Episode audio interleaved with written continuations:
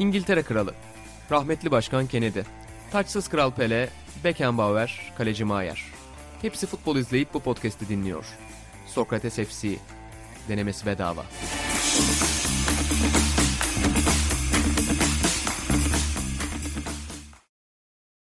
Sokrates FC'den herkese merhabalar. Yeni bir bölümle karşınızdayız efendim. Ben İnan Özdemir, sevgili Atahan Altınordu ve İlan Özgen'le birlikte haftanın ve farklı noktaların futbol gündemini tartışacağız. Sadece güncele bağlı kalmıyoruz programda. Tarihe de gidiyoruz bildiğiniz gibi.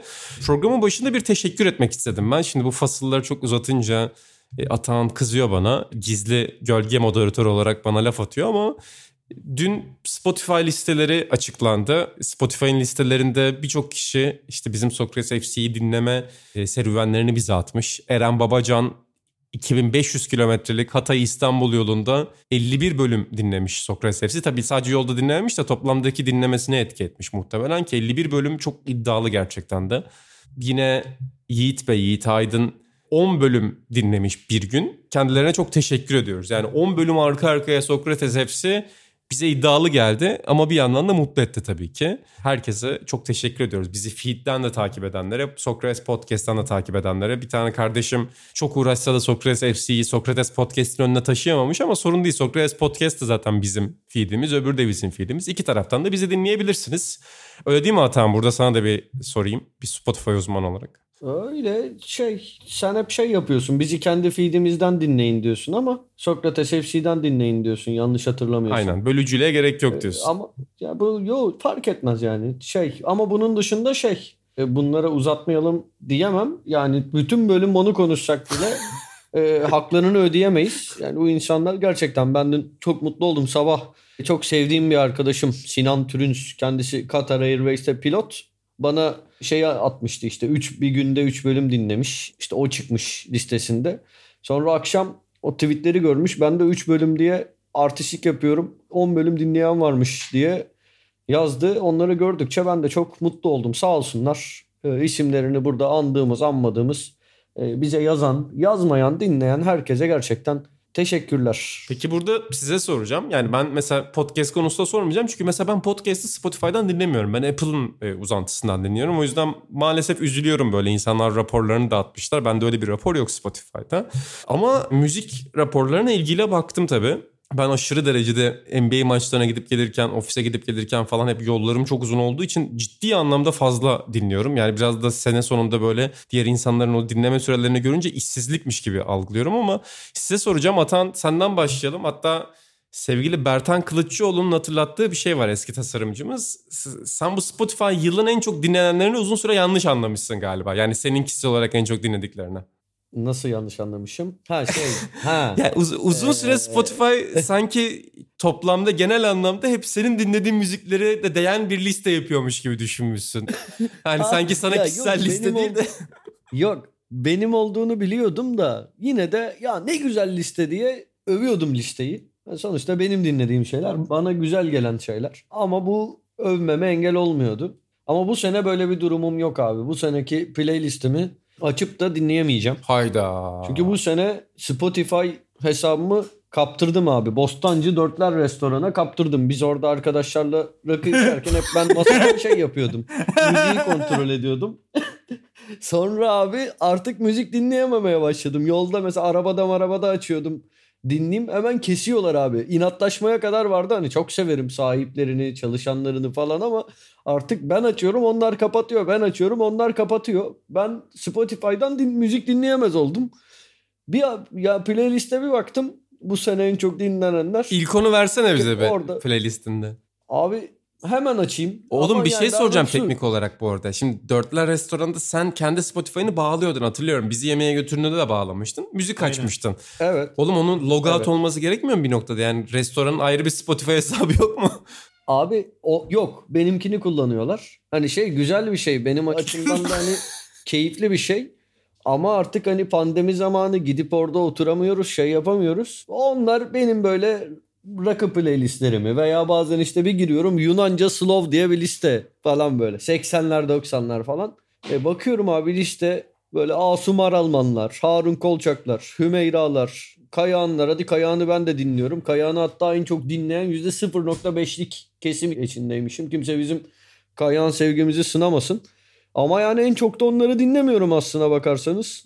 Hani böyle bir şeylere King Crimson'lara, Alan Parsons Project'lere, işte Supertramp'lere, işte Emerson ya neyse boş ver. Bütün bunlara çok geri listenin arka sıralarında rastlıyorum. Biraz bilmiyorum Ee, şüpheli şey- ifadeler İlhan Baba. Hani bize King Crim- Crimson, Emerson, Lake and Palmer deyip tamamen atan bunları da yöneliyor olabilir. Yani dörtler burada günah keçisi de olabilir ama yalan borcu yok. Yok abi vallahi Sencer Şahit arabada açıyorduk dinleyemiyorduk ya. Hakikaten en son, en son söyledim ya dedim Erkan abi böyle böyle biz de dinleyelim hani şey olduğunda aç hani dinle ama dedim hani ben dinlediğimde de bir işaret vereyim siz başka yerden çalın falan. Sonra galiba Erkan abi biraz gönül koydu bana. Artık dinlemiyorlar. Son bir aydır hesap benim elimde ama yetmedi listeyi düzeltmeye. Burada bir e, nokta belirteyim. Orada İlhan Baba'ya pas atacağım bu konuda. E, özellikle Spotify listesi konusunda. Atağan'ın iki tane listesini biz de evde öyküyle rakı içerken, şimdi söylerken de böyle şey oldum. Masanın altına rakı bardağı saklayan adam gibi hissettim kendimi. 90'lar soslu rakı müziği ve ev rakısı. iki tane listesi var. Bu listeleri dinliyoruz efendim ki bu listelerin bir tanesinin de ilk şarkısı Ferdi Özbeğen'den Gündüzüm Seninle. Ama diziden önce e, Atağan'ın eklediği bir şeydir bu da. Zeki Mürenler, Bülent Ersoylar güzel bir liste. Ben normalde açıkçası çok bilgim olan bir tür değil ama Atağan'ın bu listeleri sayesinde dinliyorum bunları. Herkese de tavsiye ederim. Artık dörtler restoranın Abi- elinde olan bu hesabı. Abi iki şey söyleyeceğim. Birincisi Ferdi Özbeyen gündüzüm seninle gecem seninle'ye dair. Benim ya şu an bunu hesap edemedim. Bir eğrisini doğrusunu düşünüp bir tahlil ettikten sonra önümüzdeki hafta Ferdi Özbeyen'in eğer hani sakıncalı bulmazsam şan konserine dair bilinmeyen bir şey anlatabilirim. Hayda. Ee, hakikaten hani çok güzel bir detay anlatabilirim. Kendi yakın çevremle paylaştığım ki herkese sevdirmişimdir yıllar içinde o şarkıyı ve özellikle o performansı. Hadi bakalım. İkin, ikinci şey ya benim asıl çok severek yaptığım bir playlist var. Adı 95. Sadece 100 üzerinden 95 ve üzeri not verdiğim şarkıları eee, Tabii. koymak için. Tabii bunu bir de şey yapacaktım. 95 şarkı yapacaktım ama ben şey böyle sınırını bilmeyen bir insan olduğum için şu anda o listede 303 şarkı var. Hiç şaşırtmadı. 23 saat 41 dakika. Buna 19 dakikalık daha şarkı ekleyip bir ara bunu 24 saatlik bir sadece muhteşem şarkılardan oluşan bir playlist haline getireceğim. Benim asıl özendiğim playlist odur. Çok merakla bekliyoruz haftaya. Çok teşekkür ediyoruz bu e, şeyin içinde. Haftaya Ferdi Özben detayını da bekliyoruz. İlhan Baba sende Spotify'da neler var? Ki senin Senior Ne Diyor'dan da seyircilerimiz bilir. Hani müziğe çok başka bir ilgin ve bilgin var. Estağfurullah. 2020'de en çok ne dinlemişsin? Abi 2020'de yani bu arada ben böyle bir şey bilmiyordum. Spotify ben çok e, ilkel kullanıyorum. Yani sevdiğim bir grubu açıyorum. Bir albümünü açıp dinliyorum. Böyle bir uygulama olduğunu arkadaşlarımızın dediğin gibi çok sağ olsunlar mutlu ettiler. Olayından gördüm. Ya birinci sırada Jet Rotal var ama ben Spotify'dan çok fazla Jet Rotal dinlemem. İlginç herhalde ben uyurken falan çok müzik dinlerim. Açık kalıp devamlı işte atıyorum progresif rock radyosuna bağlanıp oradan devamlı içinde jet rotal olan bir şey çıkıyorsa herhalde ondan çıkmış. Anlam veremedim. Ama ilk onda Paco de Lucia var. Aldi Meola var. e, Camel var. Camaron var. Camaron'la Paco de Lucia'nın zaten işbirliğine bayılırım. Onları çok fazla dinlerim. İlk onumun geneli bunlardan yani ilk onumda flamenko çok fazla var ya. Evet sen Emerson ofiste de, Lake and Palmer var. ofiste de çok dinlerdin. Ee, özellikle Ya, çok da anlatırdın şey olarak. Yani canlı performanslarını çok dinlerdin. Tabii tabii. İlan hangi Sevdim. şarkısı var Emerson, Lake and Palmer'ın? Baba ben de e, özellikle e, Keith Emerson'ı çok sevdiğim için onun parçaları genelde var. Bu triloji albümünü de çok severim ben. Yani plağı vardır, kaseti vardır, MP3'ü vardır. Her şeyi vardır bu albümün. Orada From the Beginning var bende. İlk Ha, tamam. sırada olan. Weather Report var. E, Silly Parpo var bluesculardan. Frank Zappa çok var. Onlar var en çok. Jeff Beck var. Bunlar çıktı karşıma. Ama Camaron'la şey çok fazla. Paco de Lucha çok fazla. Ee, buradan seyircilerimize de tavsiye olmuş olur. Hem zaten daha önceki bölümlerde de çok müzik dinliyorduk ama Sokrates FC için de çok teşekkür ediyoruz bir kez daha. Bir reklam daha yapayım. Sonra Şampiyonlar Ligi gündemine hızlıca dalacağız ama 80'ler sayımız çıktı efendim. Ee, zaten Twitter'dan da reklamını görmüşsünüzdür. Dükkan.sokratesdergi.com'da varız. Bayilerde varız birçok yerde. Bana bir de varız. Yine internet üzerinden satın alınabiliyor. Ee, ve ilginç dosyalar yaptık. Yani özellikle Atahan Altınordu ve İlhan Özgen'in yaptığı Tanju Çolak röportajı e, bu podcast'in de futbol sever dinleyicileri tabii ki ağırlıkta. Çok ilginizi çekeceğini düşünüyorum ben. İlginç tartışmalar var orada. Onun dışında İlhan Baba ile birlikte ben e, Electronic Arts'ın yayın kurucusu Trip Hawkins'le bir röportaj yaptım. İlhan Baba e, Canerelerle birlikte sevgili Michel Platini röportajı yaptı. Yani hem futbol severlerin hem de spor severlerin ilgisini çekebilecek çok sayıda dosya olduğunu düşünüyoruz efendim. Dileriz hoşunuza gider. Nasıl bir deneyimdi? İlhan Baba senden başlayayım öncelikle. Tanju Çolak'la ki sen daha önce de çeşitli dosyalar vesilesiyle kendisiyle konuşmuştun. Yani 80'ler futboluna Tanju Çolak'la dönmek ilginç bir deneyim miydi? Yani oldukça ilginçti. Bayağı ilginçti yani. Çok garip bir röportajdı. Sokağa çıkma yasağı da başlayacağı için biraz telaşa kapıldık. İlk saat uygulamasının uygulandığı gündü galiba hafta sonu. Onun için biraz hızlı davrandık. Ka- e, kaçar gibi uzaklaştık ama normal şartlarda olsa o röportajın daha bir iki saati vardı gibi. ee, yani Atahan da biliyor. Ya gerçi Tan Tanju abi yarısında bırakmaya kalktı. Bir yere gidecekti ama tuttuk, hallemettik, hallemettik, tuttuk onu. İlginçti yani aynen. Ben Atahan'la gittiğim birçok röportajın belli ilginçlikleri var ama yani %98'i Atağının yüzünden ilginçleşen şeyler. Burada Atağın hiçbir şey yok yani. Atağın sadece sessizce olacağı olanları izledi. Ee, yani herhangi bir ilginçlik ikimiz de yapmadık. Yani Peki Caner bu... abi de ilginçliğin bir bölümüne şey oldu. Ee, sana burada şeyi soracaktım baba. Mesela 80'leri biz konuşurken işte diğer sporlarda bir figür hani X mesela basketbolda bu Magic Johnson ve Larry Bird'dür sonuçta falan filan. Türk futbolu dediğinde senin için bunun karşılığı 80'ler futbolun Tanju Şolak mıdır birinci karşılığı? Tabii abi Tanju Şolak da Rıdvan Dilmen ya. Değil mi? Özellikle ikisinin. Toplantıda da söyledi. Tabii, tabii canım ikisi Hı-hı. yani. Ya genel olarak ikisi işte yani haber olması, takımlarını taşıması, takımların büyük silahları olması, işte ikonik olarak özel yaşamları şunlar bunlar Onlarla ikisi yoksa ben hangisini seviyorum dersen mesela ben Beşiktaş'ın oyuncularını işte Feyyaz abi hepsinden çok seviyorumdur ama yani 80'lerde Türk futbolunu kim simgeliyor dersen 80 90 elemelerindeki takımın iki büyük silahı kim dediğinde Rıdvan'la Tanju. Rıdvan'la Tanju oynarsa maç kaybetmeyiz kafası filan. O yönden yani seversin sevmezsin. Geçen hafta da onu biraz konuşmuştuk. Onlar ayrı tartışma şeyleri, konuları ama ülke futbolunun en ikonik iki adamı dedim mi bunlar. Biz de çok zorlandık hatanda. Kendi yani hiçbir türlü eleştiri kabul etmeyen, her şeyde ne var yapmışım diyen bir adamla röportaj yapmak ilginç. Hani çok öyle dediğim dedik dik kafalı. Mesela Semih Yuvakuran abimiz de öyle halim selim bir adam değildi. Ne var yaptık şeydi biraz yani o eski tip futbolculardan ama o bile belli mesela, mesela en basitten Avrupa olayında birçoğu abi pişmanım. Ama o zaman korkuyorduk diye güzelce anlatırlar. Menajer yoktu, dil bilmiyorduk. Tanju Korku... abi o zaman uçak mı vardı diyor. Aynen yani, yani ne pişman olacağım diyor adam. Her şey yani hapishanede de mi pişman olacağım? Ne pişman olacağım? Ve hiçbir şeyden pişman olmamış. Hani o yönden biraz şeydi, ilginçti. E bir de genel yani anlatamayacağımız yaşadıklarımız var. Atan'ın az önce bahsettiği şey ah. gibi. Ah. İlginçti yani. Dediğim gibi bir kere en baştan Atağın imza yani Atağının imzası olmayan ilginçlikler silsilesi olduğu için daha da ilginçti. Ama yani o dönemin futbol tartışmalarını okumak açısından da benim için çok iyi oldu mesela. Çünkü ben hani bu işte ya tabii ki gelişim spor kapaklarını ofiste çok gördük sizin sayenizde, sizin dosyaların sayesinde. O gelişim spor kapaklarına çok aşina oldum yıllar içerisinde. İşte o dönemin Mustafa Denizli'nin bir figür olarak ne kadar önemli olduğunu, Galatasaray'ın Avrupa başarıları, işte Fenerbahçe'nin o 103 gollü takımı falan ama e, o tartışmaların temelindeki bir figürü tabii ki bu düşüncelerin birçoğunu belirtmişti. Ama e, karakteristik anlamda görmek güzel oldu. Bir yandan da platin... Benim, Buyur baba lütfen. Benim röportajda çok güldüğüm yerler var. Atahan'la zaten uzun süre telefonda konuştuk bunu ya çok güldüğüm yerler var.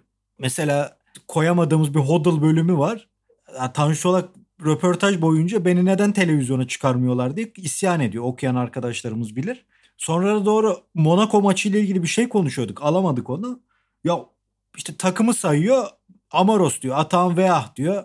Falan Caner abi birini söylüyor. Fofana ben, dedim ben, Fofana diyor. Ben Hodl diyorum. O Hodl ne topçuydu ya diyor. Of of ne topçuydu diyor.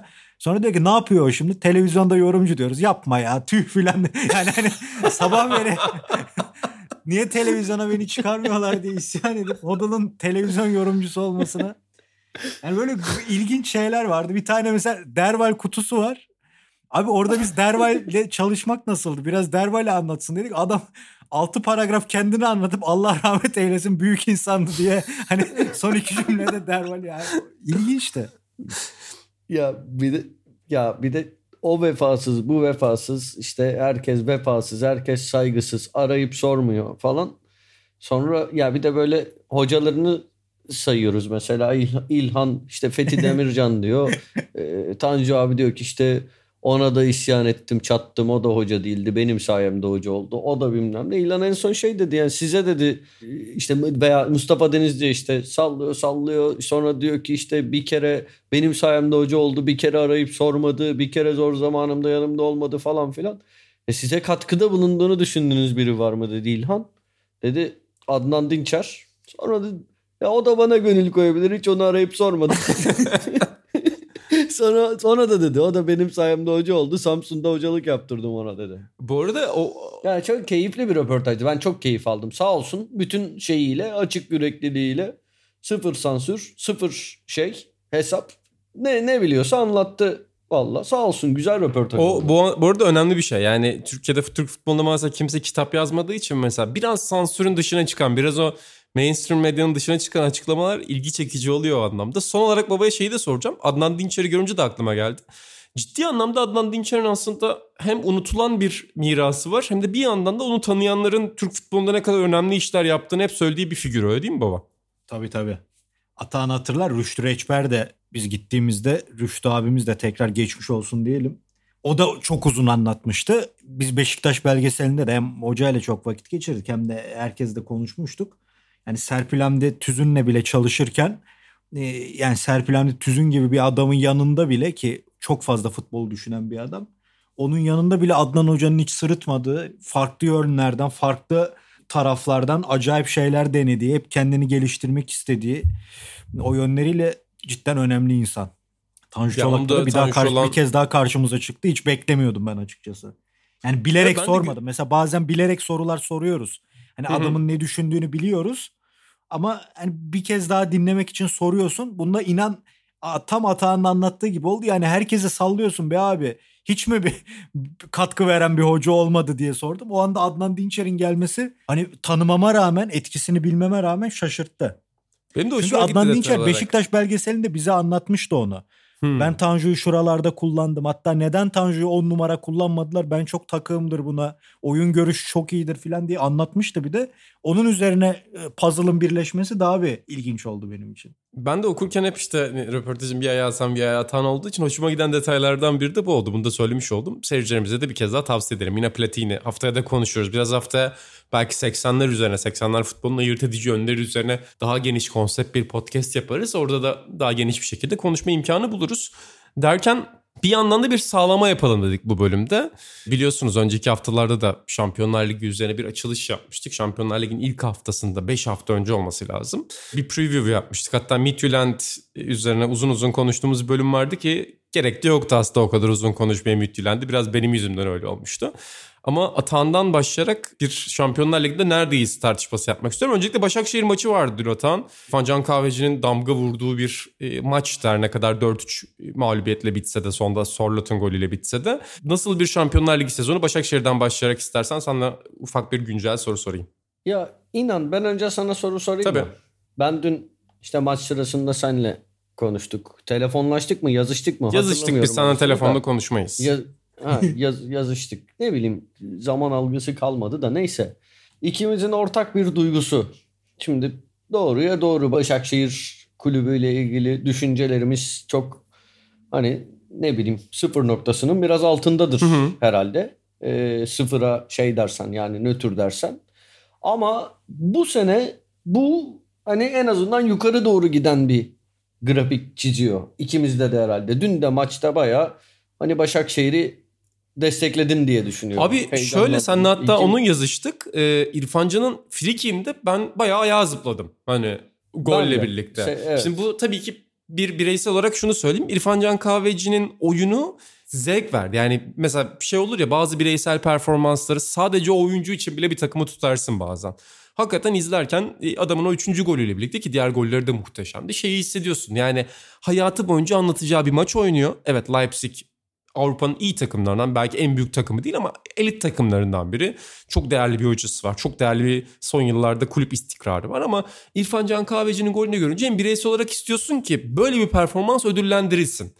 Onun dışında da ben şunu düşündüm abi. Maçtan sonra sevgili Alper Hoca'nın tweet'i de vardı ki orada haklı. Yani aslında sıfır değer üretip sübvanse edilen bir kulüp diyor ve bu değişmedi. Yani herhangi bir şekilde İstanbul Büyükşehir Belediyesi'ndeki yönetimin değişmesi falan etkili olmadı. Sonuçta biliyoruz ki AKP elitlerinin yönettiği ve devlet tarafından sübvanse edilen yıllar içerisinde birçok şey yapan bir kulüp. Bunu biliyoruz. Yani bunu tartışmaya bile gerek yok ama şunu hissediyorum ben abi. Şampiyonlar Ligi'nde ya da Avrupa'da bir kulübün, bir Türk kulübünün şu anda maç kazanmaya oynaması bile istisnai bir hal aldı. Yani ben az takip etmeme rağmen bunu görüyorum ki bu iyi bir şey. Hani e, Türkiye için iyi bir şey değil ama Başakşehir'in en azından maç kazanmaya çalışması bile izlerken şu anda garipsetiyor ve hoşuma gitti açıkçası İrfan Can'ın performansıyla birlikte. Yoksa sen de ben de genelde konuşuruz zaten. Türkiye'deki düzene dair düzenin değişmediği çok ortada ama bireysel performans, takımın Şampiyonlar Ligi'ndeki pozitif oyunu bu anlamda hakikaten o üçüncü golde zıplamama etkili olmuş olabilir. Belki de şu anda çok geriye doğru noktaları seçip çok açıklama yapıyorum kendim ama gerçekten de tuttum dünkü maçta. Ee, şey yani biraz şey de etkili. Okan Buruk da etkili. Hani heyecan verici bir teknik adam. Ben gerçekten heyecanla takip ediyorum. Ve hani Şampiyonlar Ligi sezonunu kendi açısından da kendi kariyeri açısından da çok önemsiyordu. Belki puan tablosuna baktığımızda Başakşehir'in 4 mağlubiyeti var 5 maçta. Ama bence kendi adına iz bıraktı. Manchester United'ı mağlup etti. Dün Leipzig karşısındaki performansı ya Başakşehir'in takım olarak bu arada performans Başakşehir belki puanı hak etti bile diyemem. Leipzig çok daha etkiliydi. Ee, ama yine de yani Leipzig dediğimiz takımın hem yani gerçekten Avrupa'nın iyi futbol oynayan takımları arasında ön sıralarda yer alıyor. Yani Ba- Bayern Münih'le kafa kafaya Bundesliga'da giden ya her şeyi geçtim kadroya giremeyen sol beki Galatasaray'da ilk 11 oynuyor yani. Öyle de bir kadro kalitesi var. Bir futbol fikri var. Bir stratejisi var. Çok hani artık elit teknik direktörler arasına giren bir teknik direktörü var. Hani bu takım karşısında bu performans da son derece iç açıcı. Sinmemesi iç açıcı. Galibiyeti kovalaması aynı şekilde. E, Bir de yani taktiksel olarak ortaya bir şey koyan, bir kimliği olan e, bir teknik direktör. E, Takımına da bunu yansıtıyor. Daha önce çok konuştuk. Maçtan maça da değişiklik yapıyor. Okan Buruk da çok etkili. Bir yandan da şeye çok sana küçük bir küçük bir muhalefetim Tabii olacak. buyur lütfen. Bir de bir değer üretmiyor dedin. Buna tam katılmıyorum. Yani Başakşehir her zaman hani bir kendince bir yol çizdi. Mesela şey bile bir değerdir. Eski yıllarda Başakşehir'in ana planı Galatasaray, Fenerbahçe, Beşiktaş'ta tutunamayan oyuncularla bir yere gelmekti mesela. Çok eski dönemden bahsediyorum. 6 7 8 sene önceden bahsediyorum. Onların kariyerine e, ikinci bir kapı, ikinci bir şans sunan bir kulüptü ve bunda başarılı oldular. Sonra çizgilerini değiştirdiler. Arada genç futbolculara da yöneldiler ki bu yeterli değildi. Bu sene biraz daha bir tık yani henüz yeterli değil ama bir tık gençleştirdiler takımı. Kendi yıldızlarını yarattılar. Yani yıllar içinde. Buna hani Vişça da dahil, Epriano da dahil, İrfan Can da dahil. Daha önceki süreç için mesela Cengiz Ünder de dahil. Bence şey ya bir de şey de var. Yani kendi stili olan bir takımdı. Şeyden Okan Buruk'tan önce de Abdullah Avcı bir yandan istikrarın da e, korunduğu bir takım. Bu, bu takım küme düştü. Abdullah Avcı ile devam etti. Hani böyle olumlu yanları da var. Yani olumsuz yanların yanında daha az kalıyor olumlu yanları bence ama burada sana küçük bir muhalefet etmek istedim. Ne dersin? Yok haklı olabilirsin Atacığım. Yani zaten birincisi çok daha iyi gözlemleyecek bir insansın. Ee, benim orada kastettiğim sevgili Alper'in Alper Hoca'nın e, tweetini alıntılamıştım. Ekonomik anlamda biraz daha bahsettiği şey. Yani sonuçta sübvanse edilen bir kulüp var. İşte Arda Turan tra- Orası öyle. transferinde de geçmişte görmüştük. Çoğu zaman kaynakların nasıl bir kaynak olduğunu kestirmek çok zor. Hani kimin e, faturasının neye çıktığını, belediyenin kaynaklarının ya da devletin kaynaklarının hangi kısmının kullanıldığını görmek biraz zor. Yani o çok ilişkiyi çözmek çok zor. Yoksa haklısın. Yani futbol anlamında son yıllarda bir istikrar sembolüdür. Sevgili Abdullah Avcı ile sevgili Okan Buruk'la ki sen Okan Buruk'la Caner abiyle birlikte sen röportaj yapmıştın yanlış hatırlamıyorsam öyle değil mi? Hani sene başında da o Aa, Avrupa'da Evet, evet doğru ben onu Avrupa, bak, evet Avrupa'da bile kendi ya. kariyerim için de bunu istiyorum demişti ki güzel bir şey bence. Yani mesela bir antrenörün şey demesi de hoş bir şey. Yani ben kendi kariyerim için de bunu istiyorum. Avrupa'da başarı Ama istiyorum. işte o şey bunu Başakşehir'de söylemek daha kolay tabii. Evet. Ha bu arada bir şey daha söyleyeyim mi? Sen devam edecek Yok miydin? abi zaten yani kotam bu benim. Yani bu kadar fikir var bende Başakşehir'e dair. O yüzden Ya inancım sen de çok fazla O yüzden devam edebiliriz. Tevazuyu biraz abartıyorsun konuşsan sen gayet güzel. Neyse boş ver şimdi birbirimizi şey yapmayalım da bir şey daha söyleyeceğim. Evet ortada şey var. Ee, Az önce bahsettiğin çok da adil olmayan ekonomik e, bazı avantajlar var. Fakat yani şimdi bu işin yüzde biridir o adaletsizliğin yanında ama en azından diyeceğim o yüzde birinden bahsedeceğim. Bunu gerçekten iyi değerlendirdiklerini, iyi kullandıklarını düşünüyorum. Yani gidip de şey de yapmıyorlar. Ne bileyim o ücretle gidip eskinin yani istisnai olarak belki oluyor ama eskinin yıldızlarını getirip hani onlara para saçıp kısa vadeli başarılar hedeflemiyorlar. Bence istikrarlı işler yapıyorlar. Yani mesela atıyorum Crivelli'yi bulup alıyorlar. Ben Crivelli'nin yani ismini bile duymamıştım. Geçen sezon ligin altını üstüne getirdi. Ligin belirleyici oyuncularından bir tanesi oldu. Kariyerinde doğru düzgün hani golcü bile denmeyecek bir oyuncudan bahsediyorum. Mesela bir de şu da var. Ya biz Türkiye'de genellikle şeye alışkınız. Maçlar oyuncular üzerinden kazanılır. Bireysel yetenekler çok etkilidir. Bir oyuncunun eksikliği, önemli oyuncuların eksikliği çok fazla hissedilir. Ya Crivelli Crivelli dedik. Bu sene Crivelli ya, yarı yarıya yedeğe düştü. Maçların yarısında yedek. Dün de mesela yedekten girdi. Tamam buna şey bu kadro genişliği, o ekonomik adaletsiz ortam tabii ki olanak sağlıyor. Ama bunu iyi kullanıyorlar. Bence bu mesela geniş kadro birbirine yakın şeyde potansiyelde oyuncular e, bunların rotasyondaki dağılımı ya bu bu anlamda iyi yönetiliyor kulüp. Böyle. Yani iyi Okan Buruk'tan bahsediyorum. Bu anlamda iyi iş çıkarıyor. İyi, bu arada burada İlhan Baba'ya B grubunu soracağım. Çünkü e, Atan bak Başakşehir'i konuştuk. Ama senin grubun D'ydi. Hiç D grubuna dair bir tane bile görüş belirtmedin. O yüzden de ben burada Ya ben grup pusulumu B'ye doğru dönüştüreceğim. Çünkü babayla özellikle orada ben e, ilk podcast'te de konuşmuştuk. Mönchengladbach üzerinden o zaman babanın yazısını refere ederek bir konuşmamız olmuştu. E, Mönchengladbach, Shakhtar, Real Madrid ve Inter grubu en ilginç gruplardan biri baba şu anda ve Inter grubun son sırasında şu anda. Sen Şampiyonlar Ligi anlamında nasıl bir sezon görüyorsun genel anlamda? Burada Atağan'ın da hakkını verelim. Ben Inter buradan çıkamaz dediğimde Atağan da cidden Gladbach iyi takım demişti. Geçen sene izlediğim Gladbach iyi takımdı demişti. O da katkısını vermişti. Lider Gladbach. Zaten Inter maçı da biraz şeye gitti. Oğlum bunları nasıl hatırlıyorsunuz ya? Ben hatırlamıyorum. Bir- ben bir tek İl- İlhan'ın Yani seninki şey anormal. Burada biz normal anormal bir hafıza gösterisi. Yani şey yapmıyoruz. Neyse tamam, tamam. Mega hafıza programındaki gibi acayip bir durum yok. Dungeon. Melik Duyar abimiz gibi. Öyle inancım yani ben Inter çıkamaz demiştim ama Inter bayağı şansını devam ettiriyor ki son haftada işi götürüp çıkabilir de. Ama ben Inter'in oynadığı futbolun bir adım ilerleyemediğini söylemek için yani bu Şampiyonlar Ligi seviyesinde takılmaya en aday İtalyan takımı olarak gördüğümü öyle anlatmaya çalışmıştım ama yani sonuncu da olabilir, gruptan da çıkabilir ama ilginç bir grup. Shakhtar'ın Real'i yenmesi sürpriz oldu ama Gladbach ben iki Inter maçında izledim. Ya hakikaten iyi bir takım.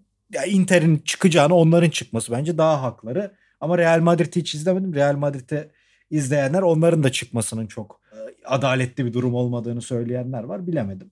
Ben esas Atalanta'yı söylemiştim hatırlıyorsunuz. Hı hı. Çünkü yani geçen sene de Atalanta ilk maçlar sonunda hem ligde hem de Şampiyonlar Ligi'nde yani bir önceki seneyi aratacak gibiydi ama sonra vitesi yükseltip önemli işler yaptılar Şampiyonlar Ligi'nde. Yani Liverpool maçı da gene öyle mi olacak dedirtti ama son senin e, ikinci memleketin olan neydi Midland mı nasıl okunuyor? Aynen Midland. Midland maçında bir türlü golü bulamayıp beraberlikte bence Ajax'a büyük bir fırsat verdiler. E, şu an Ajax 3. olsa da orada bilemiyorum şeyi. Lazio'yu kadrosu sıkıntılı demiştim. Yani bir oyuncu da korona pozitif çıksa dağılabilecek bir kadro demiştim ki onu azabını çok çektiler birkaç hafta önce. O açıdan sıkıntılı yoksa Lazio tam da Şampiyonlar Ligi futbolu oynuyor ama kadro olarak çok dar bir takım. İtalyanlarda durum böyle ama yani ben kimseyi suçlamak istemiyorum. Sakın yanlış anlaşılmasın. Hiçbir zaman şey de değilim ben. Hani eskiden futbol neydi artık bittici değilim. Her dönemin güzelliği olduğunu düşünüyorum ama ya bu korona döneminde abi Şampiyonlar Ligi, İtalya Ligi, hatta Premier Lig yani bana o futbol zevkini vermiyor bir türlü. Bir türlü alamıyorum. Yani seyircinin yokluğunda mı yoksa takımların devamlı işte pozitif sonuçlardan dolayı bir anda kadro değişiyor, planlar değişiyor. E hazırlık süreci bir türlü olması gereken gibi yapılamadı filan. Ondan herhalde yani oyuncuları da suçlamıyorum. O insanların yaptığı da çok zor bir şey tabii ki. Bilmiyorum yani bir, bir türlü futboldan keyif alamadım bu süreçte. Hani onun için şey de demeyeceğim. Mesela İtalya Ligi de yani Milan lider Tamam Milan'ı ben de sempatim vardır ki öyle bir şeyim de yok yani bir takım tutma durumum yok da ya orada bile yani ne bileyim böyle bir keyif vermiyor bir türlü futbol. O yönden seyirci olarak biraz zorluyor beni. Hem Şampiyonlar Ligi hem çok sık izlediğim İtalya Ligi. Baba orada İtalya Ligi üzerine sana bir soru soracağım ama Atahan'ın da görüşünü merak ediyorum. Yani Şimdi bu basketbolda da çok tartışılıyor ki NBA'yi anlatmayacağım Atancığım ama detay olarak belirteyim. Ya takımların hazırlanma süresi o kadar az ki. Geçenlerde işte Doug Rivers'ın basın toplantısı vardı. Şimdi Philadelphia ile anlaştı. Philadelphia'nın koçu artık Doug Rivers. Hani Doug Rivers diyor ki evet bu sene daha fazla pick and roll oynayacağız. Hücum sistemimizi biraz daha değiştiririz ama hazırlanma süremiz yok diyor. Yani şimdi sistemi değiştireceksin de sistem robotik bir şekilde senin e, bilgisayar oyununda yaptığın gibi değişmiyor sonuçta. Gerçek insanların hazırlanması ve o hazırlıklarını sahaya yansıtması, o pratiği yapmasıyla oluşan bir şey. Fakat futbolda da o kadar kısa bir ara verildi ki hem Türkiye Ligi'nde hem İngiltere'de hem İtalya'da Fransa dahil Almanya dahil buna ki Almanya hani belki biraz daha style olabilir orada çok daha oturmuş bir düzen var yıllardır ama anlatı kurmanın çok zor olduğu bir sezon yaşıyor gibi geliyor zaten. Yani Türkiye'de de öyle. Mesela 3 hafta önce Türkiye Futbol Ligi'ne dair konuşulan şeyler şu an konuşulmuyor mesela. Yani bu sezonu takip etmek ve bu sezonu yorumlamak biraz daha farklı olacak diğerlerine göre. Sen ne düşünüyorsun bu konuda? Valla ikinize de katılıyorum. Çok fazla ekleyecek bir şeyim yok ara ara hani ben güzel maçları izle, izliyorum. Keyif aldığım maçları izliyorum. Ama bunun oranı geçmiş yıllara göre çok düşük. Hakikaten sıkıcı olmaya başladı. Bunda işte taraftar eksikliğinin de bahsettiğiniz takımların hazır olmamasının ve sürekli hastalıklarla da e, bütün takımların eksilmesinin ciddi etkisi var. Ama ara ara en son geçen hafta Beşiktaş Fenerbahçe Beşiktaş maçından çok keyif aldım. Çok güzel işte maçtı.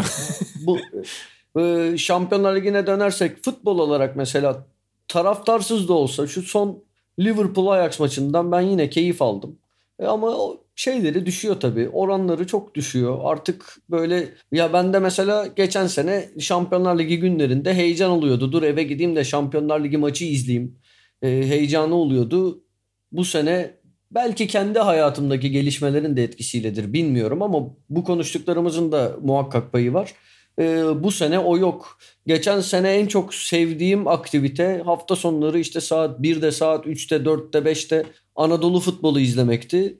Bu sene hani başka aktiviteleri buna tercih edebiliyorum. Bende de o tat yok. Biraz zaman geçtikten sonra bunu buna daha e, net bir bakış at- atabiliriz bence. Hani şey o biraz daha gözlemlememiz, izlememiz, tarihin akışına bırakmamız lazım bence bu konuyu. Yo çok haklısın. Ama hissiyat olarak yani mesela böyle. sene sonunda bence bunu daha fazla göreceğiz. Sonuçta bu sezonu bütün organizatörler, federasyonlar suyun üzerinde kalma sezonu olarak görüyorlar. Yani suyun üzerinde kalalım. Ee, gelecek sezon biz rayına oturturuz diye düşünüyorlar. Fakat şey sıkıntı gibi. bu yaz bir de Avrupa Şampiyonası var abi. Mesela o da çok etkileyecek. Yani oyuncudan evet, yine dinlenemeyecek. Kışta, sonraki kışta Dünya Kupası var. Yani çok İlginç bir şey.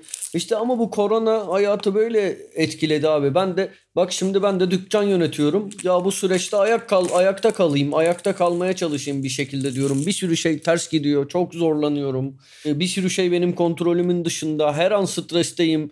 kalabilecek miyiz ayakta, devam edebilecek miyiz? Ama bir şekilde devam edip suyun üzerinde kalıp sonra toparlama herkes için böyle yani. Bence gidip de ne bileyim bir yerde atıyorum Roat'ın babası ayakkabı satıyor ya at, attım Hı-hı. yani şimdi. O Ali'nin babası dondurma yapıyor ya falan. Onlar da aynı şeyleri onda yaşıyordur. Bir tekstilci orada yaşıyordur. Bir bakkal, bir tekelci. Yani çok tüm sektörlerin etkile, etkilendiği gibi futbolda e, aynı şeyleri yaşıyor gibi sanki. Tatsız, belirsiz ama ayakta kalmaya çalışıyor. Bakalım bir şekilde kalacak işte artık şeylere geldi biliyorsun. Takımda 6-7 tane pozitif oyuncu var. Çıkıyorlar başka oyuncularla belki hiç sıranın normal şartlarda sıranın gelmeyeceği 3 tane 4 tane oyuncunun 11'de olduğu e, maçlar izliyoruz. Yo haklısın ki ben yani Türk futbolunun daha da fazla etkilenmesini bekliyordum mesela. Benim beklediğimden daha az etkilendi şu ana kadar kadrolar. Belki hani unuttuğum için de şu an yanlış bir yorum yapıyor olabilirim ama hani Türkiye'deki yayılma oranına e, baktığımda mesela maçların aynı oranda etkilenmediğini görüyorum. Ama dediğim gibi bu benim takip hızımla da alakalı olabilir. O yüzden yanlış bir yorum yapıyor olabilirim bu noktada. Ya bir sürü bir, bir sürü pozitif vaka var ama işte kalan sahalar bizimdir anlayışıyla devam ediyor. Bakalım nereye kadar devam edecek yani şey var. Daha kışa yeni girdik farkındaysanız bugün 3 Aralık bunun Ocağı Şubat'ı var. Evet. Geçen sene Mart'ta daha hani buraya hastalık yeni yeni e, sıçrıyorken ilk pozitif vaka gelecek mi falan diye konuşuluyorken yani en azından bildiğimiz resmi rakamlarla konuşuyorum. Neler yaşadık tabii o dönem belirsizliğin de etkisi vardı. Camdan kafayı uzatınca gerilen insanlar vardı. Havada duruyor mu, şey yapıyor mu, ne kadar bulaşıyor, oraya dokununca şey reklamları hatırlarsın ya. Otobüste, metroda tutamaca tutunuyordun. Hemen orası sararıyordu, adamlar sararıyordu. Tutunca hemen korona oluyormuş gibi. E, o belirsizliğin de etkisi var da da bakalım şimdi Ocağı, Şubat'ı, Mart'ı neler. Belki ya ben diyorum ben hala bu ligler nasıl bitecek bilmiyorum. Biraz aşı burada olumlu bir ivme kazandırabilir belki bu işe ama önümüzdeki birkaç ay ya neyse bunlardan zaten insanlar da biz de çok sıkılıyoruz bu muhabbetlerden. Burada of yani şunu hakikaten. Burada şunu soracağım. Ya öyle abi. Heh, buyur devam et Atıcım. Yok yok ilan bir şey diyordu.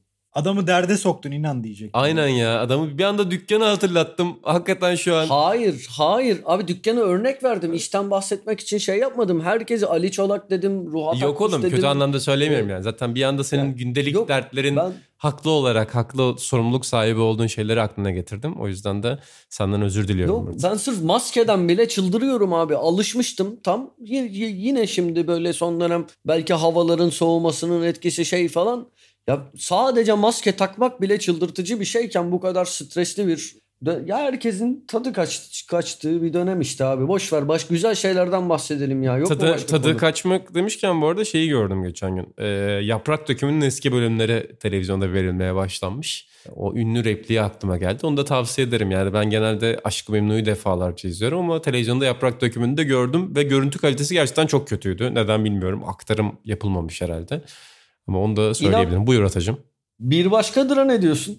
Yani çok uzun bir konu. Sonraki podcastlerimizde tartışırız. Şey yaparız. Türkiye hazır tartışmayı bırakmışken abi biz bir anda tartışmayı önümüzdeki bölümlerde yaparız. Ama uzun bir konu diye şu anda kaçıyorum konuyu tartışmaktan görüyorsun. Pekala. Yani senin gibi Ferdi Özben'i oradan beğenenlerle, oradan tanıyanlarla bu tartışmayı... Oğlum, benim, biz benim, dinliyoruz benim, diye laf ederdi ben. Rakı, rakı içerken. Baba ofiste benim ofiste defalarca... yok bu arada abi. insanlar sevsin dinlesin ya. Ofiste defalarca beni gördü Ferdi Özben dinlerken. Aynen. E, kınadı. E, diziden sonra şimdi şov yapıyor işte. Yok rakı playlistinde var. Biliyorsun ofiste dört Ferdi Özbeğenci vardır. Dördü de apayrı insanlar. Atan, Kim Aras, onlar? ben ve Onur. Yani dört ayrı garip farklı kişilikteki insan da Ferdi Özbey'ini dinler. Bu arada bitirirken şeyi de soracağım baba sana. Hazır Ferdi Özben'den bahsettik. İlhan Baba'nın aslında 2020 Spotify listesinde yer almıyor ama e, klasik Hollywood ve klasik İtalyan sineması üzerine geniş bir yıl geçirdim baba sende. Ee, evet inancım. Ve haftaya da çok ilgimizi çeken bir film geliyor. David Fincher'ın Mank filmi geliyor. Biraz heyecanlıyım ben buna. Evet sen onun heyecanını uzun süredir yaşıyorsun. Bu hafta da oturdum David Fincher'ın eski filmlerini izledim. Yani gerçekten Citizen Kane'in çok eskiden beri çok ilgim var zaten. E, her ne kadar klasik Hollywood dönemine dair müthiş bir bilgim olmasa da e, o yüzden heyecanla bekliyorum. E, ilerleyen haftalarda programımızda Atan'ın Ferdi Özben anısıyla birlikte bir başkadır analizimiz ve Mank diyalogumuz da olabilir böylece. Sen de Curtis'i izlemişsin geçen hafta Evet Casablanca. Netflix'te aynen Casablanca yönetmeninin film macerasını anlatan bir e, yapım. Atan da çok sever Casablanca'yı filan. Humphrey Bogart abimin filmlerini sevdiğim için oradan ben de bir ilgimi çekmişti. İlginç bir yapım olmuş. Yani bir yandan efsane bir film yapılırken arka planda nelerin döndüğünü bunu sporda da biliyorsunuz. Şampiyonlukların perde arkasını daha çok okumayı severiz aslında. Burada biraz da öyle bir durum var. Onun için hoşuma gitti çok cidden. Onu Ya tavsiye benim zaten ben. bunlara biliyorsun ilgim vardı ama Evet. şu anda öyle bir zamanımız oldu ki onun için dediğin gibi vites çok fazla arttırdım. Yani günde e, normalde işte eski maçlar falan filan derken 2-3 maç izliyorsun, işe gidip geliyorsun filan bitik oluyorsun. E şimdi bayağı zaman kalıyor yani öğlen maçlarını izliyorsun, yazına çalışıyorsun. E, gece bana kaldı mı saat 6-7 gibi yatan bir insan olarak sabaha kadar e, izlemediğim filmleri olabildiğince işte Mastroianni'nin son dönemini filan vefatından önceki o 90-96 arasını filan kapamaya çalıştım. Bir yandan ha- geçen Humphrey Bogart'ın izlemediğim filmi var mıdır acaba dedim. Baba bir ara Yeşilçam Yıldızı gibi film çekmiş. Yani o kadar ki bitmiyor filmler. Onları e, bir yandan bitirmeye çalıştım. İşte Alfred Hitchcock'un 70'lerde yaptığı filmleri misal izlememiştim. Fem- e, Family Pilot falan onlara bakayım dedim. Öyle yani boşlukları doldurmaya çalışıyorum. Bari işimize yarayan, bizi geliştiren bir şey olsun diyorum bu şeyde. Baba orada merakla beklediğim bir şey daha var. Şimdi bu sene siz Senior Ne Diyor'da e, konsept bölümleri yapıyorsunuz çok fazla. Yani zaten bütün artık şeyi farklı konseptler, segmentler üzerine ayırdınız. E, sinema bölümünüz de var bir tane. Tanju Varan'la. Şimdi spoiler vereyim mi burada? çektik. Ver ver sorun yok. Ha, bir Mastroianni bölümü de olacak değil mi önümüzdeki Aynen. aylarda senden? Aynen onun yani yerine şeye takvime koyamadık bir türlü yoksa çektik. Ben Mastroianni'yi çok severim. Tanju da çok seviyordu zaten. Uzun süredir Twitter'da konuşuyorduk onunla. Yani Twitter'da görmüştüm onun şeyini. Söyle şunun adına bir Mastroianni fotoğrafını. Ondan sonra bir muhabbete dalmıştık. Sonra Callo yapacaktık ama Mastroianni çekelim dedik telefonda konuşurken. Öyle bir bölüm var. Bir de müzik bölümü çekmeyi düşünüyorum ama dediğim gibi ya Atağan'ın Atağan'ın sorunlarının yanında bizimkiler sorun değil tabii de Hani burada misal ya benim müzikle ilgili çok acayip bir planım var. Ya bir türlü çağıramıyorsun insanları. Çağıracağımız insanlar belli bir yaş grubunda olduğu için hele bir de Atağan'ın programı için de aynı şey geçerli. Hani onları tehlikeye atmak istemiyorsun. Biz geçen Tanju Çolak'a giderken bile Atağan biliyor. 50 kere ben kafayı yordum. Ya şimdi adama bir şey olursa bir şey kaparsa ederse filan diye. Neyse ki yani bir şey olmadan geçirdik. Bilmiyorum yani çok, çok zor dönem. Bizim için de zor. Daha işi daha da yoğun olan, daha zor şartlarda çalışan insanlar da var. Bilmiyorum yani işte. Yok baba çok haklısın. Ama öyle bir planımız da var. Müzik Ya de biz var 80 yani. 80'ler dergisini hazırlarken bile işte hep bu koleksiyon sayılarında oral story'leri iki tane yapıyorduk genelde. Şeyi hep düşünüyorsun yani işte Paydar Demir oral story'si yaptı sevgili Aras Yetiş ve Kaan Demirel ki Atan çok beğendi biliyorum. Çok güzel bir dosya zaten. Ondan sonra Twitter'da övdüğü için Atan referans verdim. Oral story mesela belgesel formatı gönül istiyor ki insan herkesle yüz yüze yapabilsin bunu. Şimdi bunu telefonda ya da online ortamda yapabilmek aynı duyguyu vermeyebiliyor yaparken insana. Bu biraz zor tabii ki hazırlama sürecinde ama e, sinema bölümlerinde Senior ne diyor da merakla bekliyorum. Ben Menk'i de çok merakla bekliyorum. Hatta bir tane CD baba sana onu söyleyecektim. Evde bulamadım sonra ama ben yıllar önce Kadıköy'den söyleyeyim yani dükkanın adını vermeyeyim de böyle korsan DVD'ciden DVD'ler alıyordum. Çok işte 14-15 yaşındayken. Bir kere bir Citizen Kane DVD'si almıştım. İşte meşhur yönetmen ki kendisinde çok güzel filmleri vardır sonra her ne kadar kariyeri biraz tepeden aşağı inse de. E, Peter Bogdanovich'in e, Citizen Kane'i böyle sahne sahne yorumladığı Director's Cut gibi yani sahne sahne bütün sahnelerin üzerine Orson Welles burada şunu yapmış işte Greg Talent burada şunu yapmış falan diye anlattığı bir şey vardı. Onu bulabilsem bu hafta onu izlemek istiyorum. O benim hayatımda gördüğüm yani bir üniversiteye gitseniz o, o kadar eğitim alamazsınız muhtemelen sinema üzerine. Gördüğüm en değerli şeylerden biriydi. Umarım Mank gelmeden onu da bulup e, izleme şansım olur diyorum. Bulsan da zor çalışır artık o. Evet zor çalışıyor. Gerçi PlayStation'da çalışır baba ama bozulmuştur yıllar içerisinde o takı- umutlu. şey, çizildi mi böyle garip bir şey olur diye. Peki baba kapatırken sana o pasımı atamadım ama bugün toplantıda söylediğin için ilgimi çekti. İtalya Ligi ile ilgili muhabbet ediyorduk sana toplantıda. Herkesin şampiyon olabileceği bir yıl. Yani Sassuolo da şampiyon olabilir demiştin sen. Sana kısaca onu da soracaktım. Yani bu kadar belirsizlikten bahsettik. Bir belirsizlik adayı daha sana sorayım. Ya hem belirsizlik var orada inan hem de yani İtalya'da artık geçiş sezonlarının oynanması lazımdı. Çünkü Juventus'un çöküşü ya da yerinde sayışı fetret devri yeni bir şey değildi. Juventus zaten bence 3 senedir futbolun üzerine koymuyordu. Yani Sarri döneminde de son o Sarri'den önceki birkaç senede de yani zaten yerinde sayan artık doymuş oyunculardan kurulu çok fazla ilerlemeyen bir takımdı ve artık tahtının sallandığı çok belliydi. Yani zaten bir geçiş sezonu oynanacaktı eyvallah ama şu an geçiş sezonunu oynanıyor diyelim. Milan lider. Ya Milan doğru futbol mu oynuyor?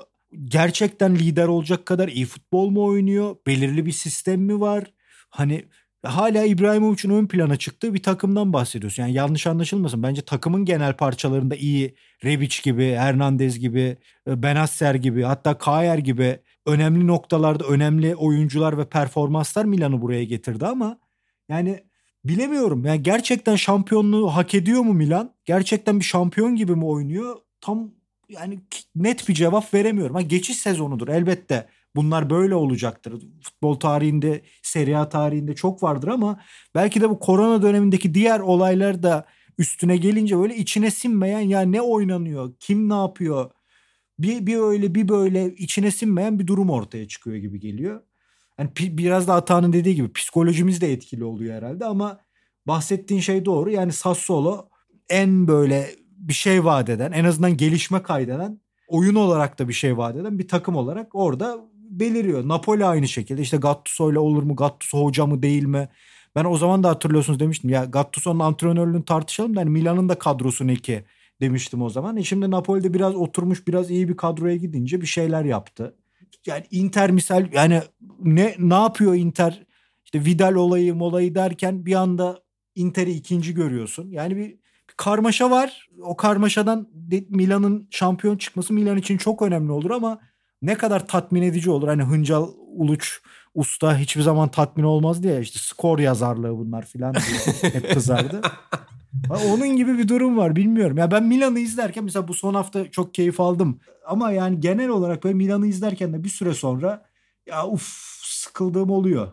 Baba Hıncal abi Sassuolo'nun şampiyonluğu kaybedişini La Gazzetta dello Sport'ta şey diye e, bahsederdi. Yani Sassuolo tarihinin en büyük rezaleti. Yani şu sezonda da şampiyon olamıyorsa Sassuolo istifa etsin. Ta, tam o sezon zaten. Yani şu anda Conte şampiyon yapamazsa Inter basını bunu yazmalı. Bu sezonda da şampiyon Sassuolo'lu olmaktan utanıyorum. Hiç bu kadar utanç vermemişti Sassuolo olmak. Gerçekten bu arada, de Sassuolo'nun da bence şöyle bir değeri var. İtalyan futbolunda Udinese gibi, Atalanta gibi uzun yıllar yetiştirici kulüpler var ki Atalanta hala o performansını sürdürüyor. Yani bunlar birçok takımın arka bahçesi gibidir İtalyan futbolunda. Sassuolo da yani İtalyanların yıkım yaşadığı diyelim 2000'lerden sonra aslında bu özelliğiyle ortaya çıkan yeni kulüplerin ilki ve teki bence. Yani o açıdan çok kıymetli bir takım. Ben mesela kayıplardan sonra en son Acerbi'yi de Lazio'ya verdiklerinde küme düşebilir demiştim. Katiyen öyle bir şeye bile girmeden adım adım yükselerek tekrar belli bir yere geldiler. Yani o Zaza, Berardi döneminden başlayıp bir göz kamaştırdılar ama takım dağılmasına rağmen yavaş yavaş her sene belli oyuncuları yükselterek işte mesela Milan'da Locatelli tartışılıyordu ki ben Milan'da kalmasından yanaydım da neyse. Mesela şu anda Sassuolo'da çok önemli bir oyuncu oldu. Yani bu açıdan da Sassuolo'nun kıymeti var. Şaka bir yana şampiyon olur olmaz bilmem de İtalya'nın o renk veren, yetiştiren, sunan hem antrenör olarak hem oyuncular olarak bir şeyler katan takımı olması açısından çok kıymetli görüyorum onların performansında. Bir, bu senenin bir diğer öyle takım da Verona ama Verona da defansif defansıyla şey bir takım anılan bir takım ama Sassuolo'nun genel oyun e, yapısı falan da daha eğlenceli. O açıdan kıymetli. E, bu arada yani kapatırken artık süremizin sonuna geldik. Atay'a bir soru soracağım baba. Şu an bilmediğimi fark ettim. Ata İtalyan futbolunda senin sempati duyduğun takım ne abi? Bak mesela şu an bilmediğimi fark ettim bunu. Seni çok yakından tanısam da. Abi İtalyan futbolunda özellikle sempati duyduğum bir takım yok ya. Yok yani. Şey, ya mesela dönem dönem deli gibi bir dönem, Sampdoria dönem... dilencisi değil misin mesela? Crotone. Yok hiç değilim. Hiç değilim. Ya dönem dönem ya çocukken benim de biraz Parma'ya ilgim vardı Emre gibi. İki, yani çocukken derken 13-14 yaşlarındayken bu işte 90'ların sonu 2000'lerin başı. Daha eskiden Ronaldo oynarken o zamanki çocukların %80'i 90'ı gibi belki Inter'e biraz mail ettim. Milan iyiyken Milan'a mail ettim. Şeyim yani orada rüzgar nereden eserse oraya giden biriyim. Günümüz gazetecileri gibi falan diye böyle Levent Kırca şakası yapayım mı? Değil abi. Şey e, yok yani özel bir favori takımım Ama yok. ben az önce Şeye- belirttiğinde şeyi gördüm. Yani parma manyak olmadan Emre Özcan biz vardık diyorsun. ha. Hayır. Parmayı, Aynen. 88 Ay- parmayı ay- takip ediyordum en- ben diyorsun. Hayır. E, hayır. Şöyle Diyor ki bir ben şey var. Sakki'nin Ben Seri C'deki parmasını tutardım. Abi e, bir şey söyleyeceğim sana. Ben daha önce burada da bahsetmiştim. Ben böyle futbola dair böyle yeni yeni artık böyle tutkumun oluştuğu yıllarda HPV'den göre göre ben Asprilla hastası olmuştum. Hatta geçenlerde bundan 15-20 gün önce işte Tuğba gelecek yakında. Tuğba'ya tişört siparişleri veriyordum. Parma ile alakalı üstünde Asprilla'nın da olduğu harika böyle olağanüstü bir tişört gördüm. Allah Allah. Ya şimdi Emre varken onu giymek bana yakışmaz diye almadım. Emre'ye attım. Emre dedim ister misin Tuğba'ya aldırayım dedim. Ee, Emre tişörtü çok beğendi de abi yok gerek yok falan dedi. Bilmiyorum Demek ki belki nezaketinden Aynen belki. öyle, beğenmemiş. hayır hayır sanmıyorum. Ee, yok nereden buldun dedi şey yaptı. Bence nezaketinden Ee, istemedi. Ama şey yani mesela ben Emre var diye şimdi Emre gibi biriyle arkadaşken gidip de o tişörtü giymek bana yakışmaz diye almadım ama hastası olmuştum. Öyle yani benim ne haddime. Emre'yi ben herkesten çok önce tanıdım. Ee, Tamam oğlum sana Parma aşk hikayeni anlat demedik. Hayır, Pa- hayır Parma Manyak Nick'i ile tanıdım yani çok yıllar önce. Gene ağlattı. Yine ağladık Robert şeyin sonunda podcast'in sonunda ama Atahan'ın da çok... asıl şöyle ağlatayım Söyle. mı? Po- Podcast'in sonunda bir şey diyecek Yok misin? söyle. Ben sana, hatta sana bırakayım. Sen onu da söyle kapat. Bu kadar şeyle açmıştık. Sokrates FC'yi defalarca dinleyen çok sevgili dinleyicilerimizle garip bir cümle oldu. Açmıştık. Arada Casablanca dedik. Ben de o zaman diyeyim ki play it again, play as time goes by diye Of. bitireyim bu podcast'ı. Vay vay vay vay. Of of of. Allah bu sefer ağlattı.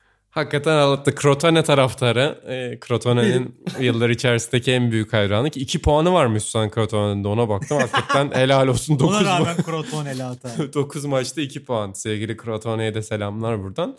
Podcast'imizin sonuna geldik Hadi. efendim. Atan ne hatırlatacağım ben şimdi burada? İki hatırlatmam olacak. Abi birincisi diyeceksin ki bizi Sokrates FC feedinden takip edin. İkincisi İkincisi 80'ler sayımızı bayilerde bulabileceğinizi unutmayın. aynen öyle. Aa, hakikaten güzel sayı oldu. Burada Maya. derginin içinde şey yapsak, anket yapsak herkes favori 3-4 sayısının içine koyar. Tabii burada biraz recency effect de etkili olabilir ama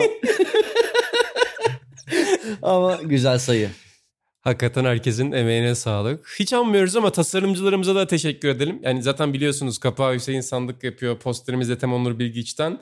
Ama sevgili Cemre Özdemir bizim görsel sayfalarımızın e, tasarımındaki o şıklıktan sorumlu. Sevgili Alp Ustu bir futbol üstadıdır zaten. Senior ne diyor'dan da tanıyorsunuz. Sevgili Semih Berke Ağır kendileri kupür e, kreatif. Yani Cemre, Semih ve Alptuğ'un da dergiye verdiği emek. Bizim ki biz hep Yani- programlarda şurada burada konuşuyoruz zaten. Az çok zaten tanıyorsunuz bizi ama e, o insanların verdiği emek olmasa bu dergi Bir şey olmaz. diyeceğim.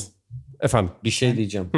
Ben Ya, Semih'e ayrıca İnan bak ediyorum. sen bu derginin yazı işleri müdürüsün. Tamam mı? Evet kardeşim. Bir hata mı yaptım ya korktum şu an. Burada yaptın abi. Ha. Yaptın. Sen eki, ekibinin motivasyonunu düşüren bir adamsın şu anda. Burada tasarımcılarımızdan bahsettin. İsmail Yasin Yılmaz'ı anmadım bile. İsmail Yasin Yılmaz da haklısın. e, haklısın. bu dergiye haklısın, geri evet. Haklısın, haklısın. Güzel kardeşim İso'yu burada İnan Özdemir'i kınıyorum. Çok haklısın. Podcast'i böyle bitiriyorum. Tek kelime daha etmeyin. İsmail Yasin Yılmaz bitmiştir. Aynen öyle. Teşekkür ediyoruz herkese. Görüşmek üzere. Hoşçakalın.